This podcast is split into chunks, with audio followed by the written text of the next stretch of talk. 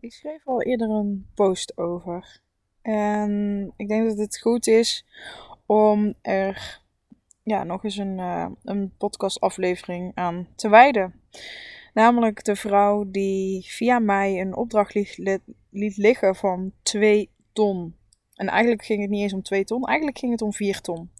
Het ging om een opdracht waarmee ze dit jaar 2 ton kon. Een opdracht van 2 ton kon krijgen. En op een moment dat daar, uh, daar tevredenheid in is, dat er voor volgend jaar ook hetzelfde budget voor dezelfde opdracht zou liggen.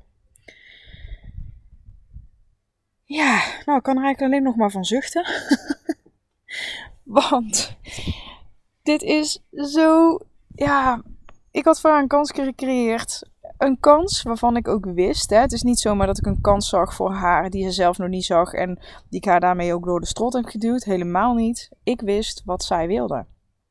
Ik wist heel goed wat voor opdracht zij wilde.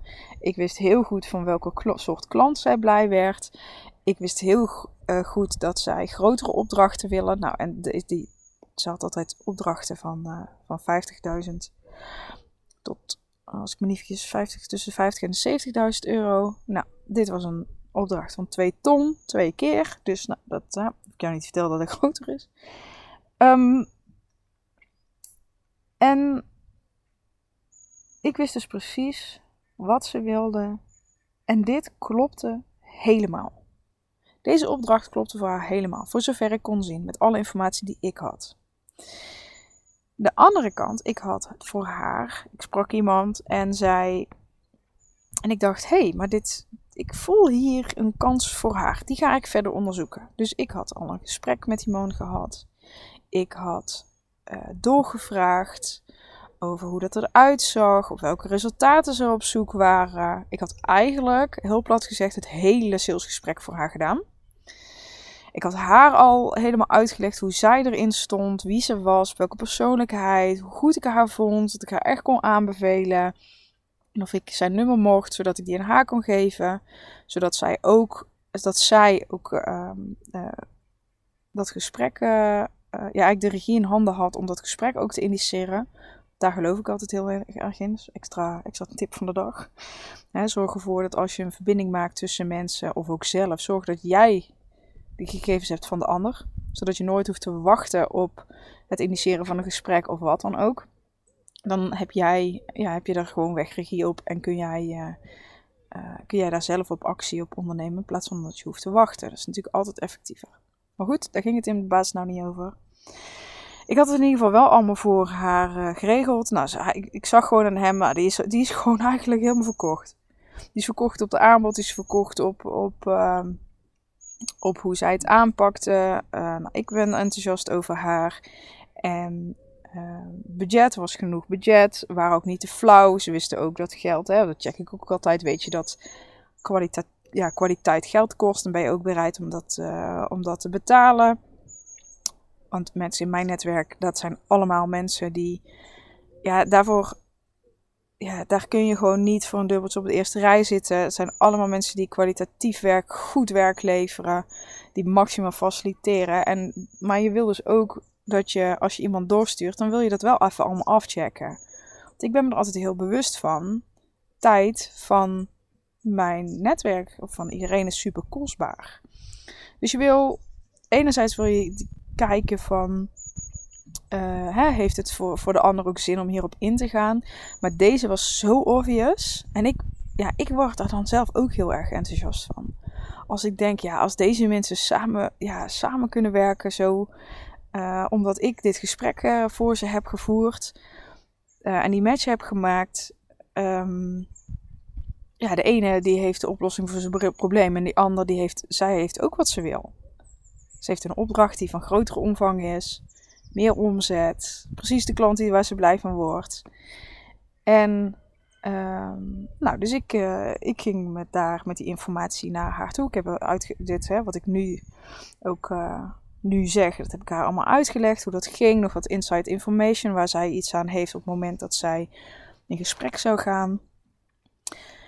En waar je in zulke gevallen trouwens ook nog voor, als het om grote deals gaat, zou je er ook nog voor kunnen kiezen om zelf de eerste afspraak te faciliteren. Dus dat je een drie gesprek doet, omdat je de verbindende factor bent.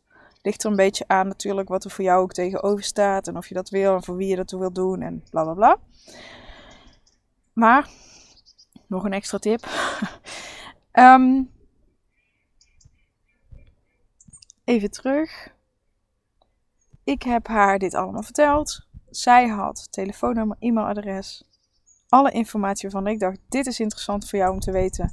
Het enige eigenlijk wat ze nog hoefde te doen was opkomen dagen. En opkomen dagen in de zin van telefoon pakken, mailtje pakken, of uh, bellen of mailtje schrijven van dan en dan kom ik langs. En ze had de deal. Natuurlijk zijn er altijd nog andere omstandigheden waardoor die afgeslagen kon worden. Maar ik denk dat als je zo netwerkt en zo je inzet, dan. Nou, ik denk wel dat je. Als nou, ik ben proberen. Kan ik dit in procenten uh, weergeven? Nou, zeg dat je als uh, zo'n verbindende factor het toch wel voor 80% kan inrichten al voor een ander. Nou, die 80% die had ik zeker wel gehaald voor haar. En ze deed er niks mee.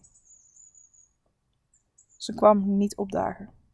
Geen mailtje, geen telefoontje. En ik dacht, hé, hey, ik ben dan ook zelfs nog eens zo. Op het moment dat ik daar een, uh, ja, iets in heb gedaan, dan uh, ga ik er ook altijd nog even achteraan. Is het al gelukt?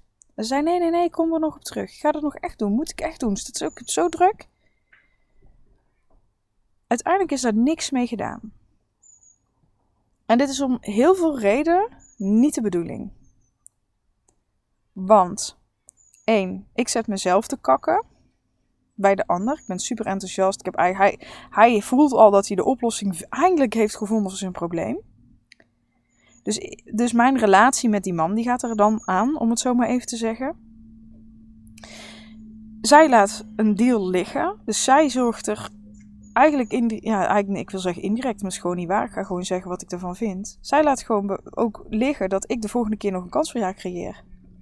Dus ze laat niet alleen die twee ton, die vier ton liggen. Maar ze laat ook alle andere kansen liggen die ik voor haar zie.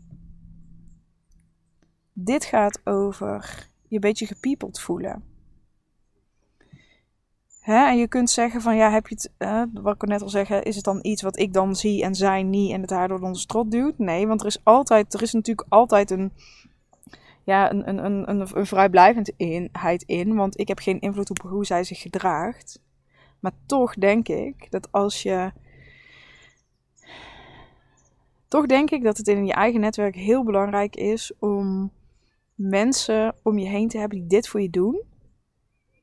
En dat jij dus ook ruimte, tijd en energie pakt en je heel bewust bent dat dit de kansen zijn die je moet pakken.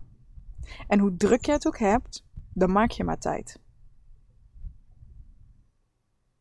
Want eerder had ze deze opdrachten niet. Nou besefte ik mij ook later, want heel eerlijk, het, is ook, het was gewoon, deze was echt ook een beetje frustrerend voor mezelf. Maar goed, dat is dan mijn eigen probleem. Er zal wel een reden zijn waarom zij dit niet heeft door, ja, deze niet heeft doorgepakt. En dat kan van alles zijn. je kunt ineens een terugtrekkende beweging maken omdat er eindelijk gebeurt waar je al die tijd naar hebt verlangd. Er kan, ja, je kunt bang worden. Je kunt, nou ja, ik kan het allemaal wel invullen. En dat kan er gebeuren. En dat is niet eens zo heel erg. Wat wel erg is voor jezelf en ook voor de anderen die zich voor je inzetten. En voor hoe dit soort dingen dus ontstaan. En daar zit weer die verfijning. Is dat je relaties hebt waar je naartoe gaat. Je hebt iets voor mij gecreëerd. Ik durf echt niet. Dan was ik zelfs nog bereid om nog een stap verder voor te gaan. Het is een ontzettend mooi, of ik had gewoon gezegd, het is een ontzettend mooi leermoment. Ga ervoor. Dit is wat je wil. Nu komt het succes, komt ineens aanwaaien voor je. Ik heb ervoor gezorgd dat het aankomt waaien. Pak het. Hou je niet klein, dit is je moment. Maar het moment dat iemand zich daar dan ja, in zijn eigen gesop gaat uh, zitten koken en daar dus niks mee doet, nou, dan gaat het wat mij betreft echt wel mis. Wat ik al zei, ik had hier al een post over geschreven, maar ik denk dat deze aflevering ook. Um, dan kun je er altijd net wat meer informatie rondom geven. En ik gun het je dus dat als uh, ik gun je sowieso een netwerk die doet wat ik dus voor deze vrouw deed. Die kun je zelf creëren. Deze relaties kun je echt zelf creëren. En dat je dan ook met die relaties kan zoeken hoe je dan samen tot een slager kan, ja, het kan laten slagen op het moment dat je voelt dat je ergens zelf tekort ziet. Dat is waarom ik denk, hierin moeten we elkaar dragen. Want dingen zijn niet altijd even makkelijk. Niet het creëren, maar dus blijkbaar ook niet het doorpakken. Dus blijkbaar ook niet altijd, uh, altijd makkelijk. Dat is wat ik je gun. Heb je vragen of heb je soortgelijke verhalen of doet het iets met je? Dan, uh, ja, dan hoor ik je heel graag.